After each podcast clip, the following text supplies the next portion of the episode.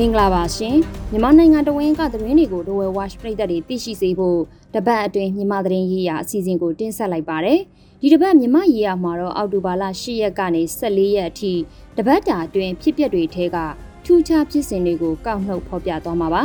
ဒီအစီအစဉ်ကိုဒဝဲ watch ဝိုင်းတော်သားတွေကစီစဉ်တင်ဆက်ထားတာပါ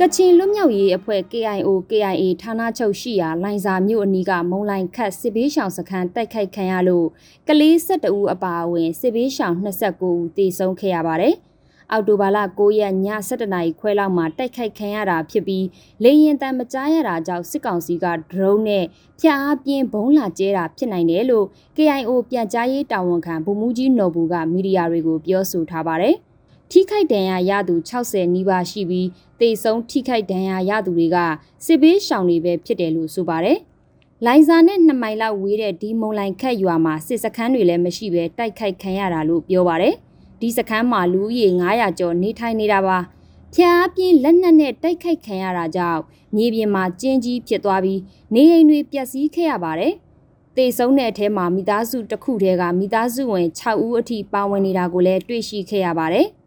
ဒီတိုက်ခိုက်မှုကိုအမေရိကန်ပြည်တိန်ကုလသမဂ္ဂအပါအဝင်နိုင်ငံတကာအတိုင်းအဝိုင်းနဲ့ပြည်တွင်းကတိုင်းရင်းသားလက်နက်ကိုင်အဖွဲ့တွေအပါအဝင်အဖွဲ့အစည်းတွေကပြစ်တင်ရှုံချထားကြပါတယ်။စစ်ဘေးရှောင်တွေကိုစစ်ကောင်စီကအခုလိုတိုက်ခိုက်တာဟာစစ်ရာဇဝတ်မှုမြောက်တဲ့လုပ်ရဖြစ်တယ်လို့လည်းထောက်ပြကြပါတယ်။စစ်ကောင်စီဘက်ကတော့သူတို့တိုက်ခိုက်တာမဟုတ်ပဲရန်တူလောင်ယုံမတော်တဆပောက်ကွဲတာလို့ညင်းချက်ထုတ်ထားပါတယ်။ ဒီပြောဆိုချက်အပေါ်မုံလိုင်ခတ်ဒေသခံတွေကတော့အဲ့ဒီနေရာမှာရန်တူလောင်ယုံမရှိဘူးလို့လည်းပြန်လည်တုံ့ပြန်ထားကြပါတယ်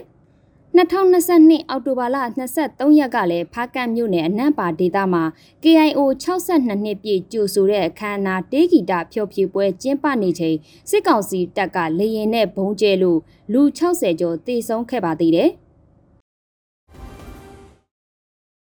အာနာသိမ့်ပြီးနောက်မှာရတားပြည်သူ10ဦးနဲ့အထက်အစုလိုက်အပြုံလိုက်တပ်ဖြတ်ခံရတာအကြိမ်20ကျော်ရှိတယ်လို့အမျိုးသားဒီမိုကရေစီအဖွဲ့ချုပ် NLD ကထုတ်ပြန်ပါတယ်။စစ်ကောင်စီတပ်ရဲ့တပ်ဖြတ်မှုကြောင့်အစုလိုက်ပြုံလိုက်တေဆုံးခဲ့တဲ့ဖြစ်စဉ်22ခုရှိပြီးအဲ့ဒီအထက်ကစကိုင်းတိုင်းကမ်ဘလူမြို့နယ်မှာအရသား160ကျော်တေဆုံးခဲ့တဲ့ပစီကြီးရွာလေကြောင်းတိုက်ခိုက်ခံရတဲ့ဖြစ်စဉ်ဟာလူတေဆုံးမှုအများဆုံးဖြစ်တယ်လို့ NLD ကအောက်တိုဘာလ17ရက်နေ့မှာထုတ်ပြန်ပါတယ်။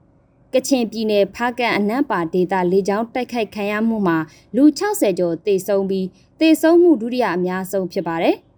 2021ခုနှစ်ဒီဇင်ဘာလ25ရက်ကလူ30ကျော်သေဆုံးခဲ့တဲ့ကရင်ပြည်နယ်ဖရူဆိုမြို့နယ်ကတတိယအများဆုံးဖြစ်ပြီးအခုအောက်တိုဘာလ9ရက်ညမှာတိုက်ခိုက်ခံရတဲ့မုံလိုင်ခတ်စစ်ဘေးရှောင်စခန်းတိုက်ခိုက်ခံရတဲ့ဖြစ်စဉ်ဟာလူသေဆုံးမှုစတုတ္တမြောက်အများဆုံးဖြစ်တယ်လို့ဖော်ပြပါဗျ။ စစ်ကောင်စီအားအပြစ်ပေးရေးယူနိုင်ရေးနဲ့ကျူးလွန်ခံရသူတွေအတွက်တရားမျှတမှုရရှိရေးကြိုးပမ်းဆောင်ရွက်သွားမယ်လို့ NLD ကထုတ်ပြန်ထားပါတယ်။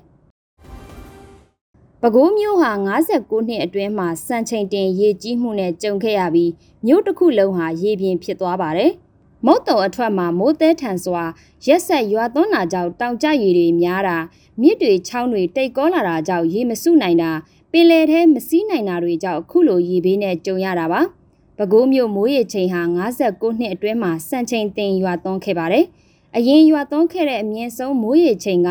9.85လက်မှရှိခဲ့ရာကနေရေစာကြီးတဲ့အော်တိုဘာလ10ရက်နေ့မှာ9.89လက်မှအထိရွာသွန်းခဲ့တာပါ။ပဲခူးမြစ်ရေဟာလည်းအော်တိုဘာလ10ရက်နေ့မှာစိုးရိမ်ရေအမှတ်အထက်၄ပေကျော်အထိရောက်ရှိခဲ့ပါတယ်။ အခုတစ်ကြိမ်ရေကြီးရမှာအရင်ကပဲခူးမှာရေကြီးလေးမရှိတဲ့ရက်ကွက်တွေပါရေကြီးပြီးတမျိုးလုံးရေပြင်ဖြစ်သွားတာပါ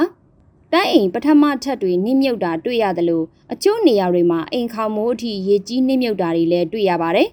ရေကြီးမှုကြောင့်လူ14000ကျော်ကိုလည်းကယ်ဆယ်ရေးစခန်း36ခုစီကိုအရေးပေါ်ပြောင်းရွှေ့ခဲ့ရပါတယ်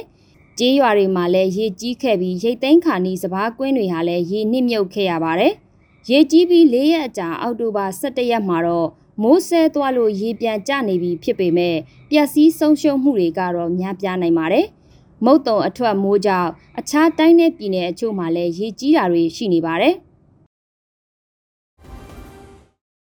စစ်ကောင်စီတပ်ရဲ့6ရောက်မြောက်အကြီးအကဲဖြစ်တဲ့ဒုတိယဗိုလ်ချုပ်ကြီးမိုးမြင့်ထွန်းနဲ့သူ့ရဲ့တပည့်ဗိုလ်ချုပ်ရန်အောင်စိုးတို့ကိုစစ်ကောင်စီကထောင်တသက်ပြစ်ဒဏ်ချမှတ်လိုက်ပါတယ်။ ကြီးတက်ရဲ့နံပါတ်၄ဖြစ်တဲ့ဒုဗိုလ်ချုပ်ကြီးမိုးမြင့်ထွန်းဟာဗိုလ်ချုပ်မှုကြီးမင်းအောင်လှိုင်ရဲ့လူယုံဖြစ်ပြီးတမတော်ကာကွယ်ရေးဦးစီးချုပ်ဖြစ်လာမဲ့သူလို့လည်းထင်ကြေးပေးခံထားရသူပါ။ဒါကြောင့်စစ်ကောင်စီရဲ့နိုင်ငံခြားငွေရှာဖွေပေးနေတဲ့အဓိကကော်မတီတွေဖြစ်တဲ့မြန်မာနိုင်ငံရင်းနှီးမြှုပ်နှံမှုကော်မရှင်နိုင်ငံခြားသုံးငွေကြီးကြပ်ရေးကော်မတီကုန်သွယ်မှုနဲ့ကုန်စည်စည်းစိမ်မှုများမှန်ကန်မြန်ဆန်စေရေးကော်မတီဥက္ကဋ္ဌရာထူးတွေပေးထားခဲ့တာပါ။ ဒါပေမဲ့စားအုပ်စီဈေးတွေအစမတန်မြင့်တက်လို့စစ်ဆေးချိန်မှာလက်စားမှုတွေပေါ်ပေါက်လာပြီးဖမ်းဆီးခံခဲ့ရပါတယ်။နိုင်ငံတော်တစ္ဆာဖောက်ဖျက်မှုအပါအဝင်လက်စားမှုတွေနဲ့ဒူးဗိုလ်ချုပ်ကြီးမိုးမြင့်ထွန်းကိုစစ်ခုံရုံးက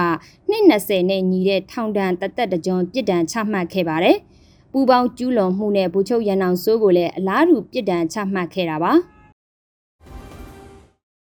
အင်တာနက်လူမှုကွန်ရက်ပေါ်မှာစစ်ကောင်စီကိုစန့်ကျင်ဝေဖန်လို့ဖမ်းဆီးခံရသူ1300ကျော်ရှိလာပါပြီ။စစ်ကောင်စီကိုစန့်ကျင်ဝေဖန်ပြီးလူမှုလှုပ်ရှားမှုတွေနဲ့တော်လှန်ရေးအဖွဲ့အစည်းတွေကိုထောက်ခံအားပေးရေးသားတာ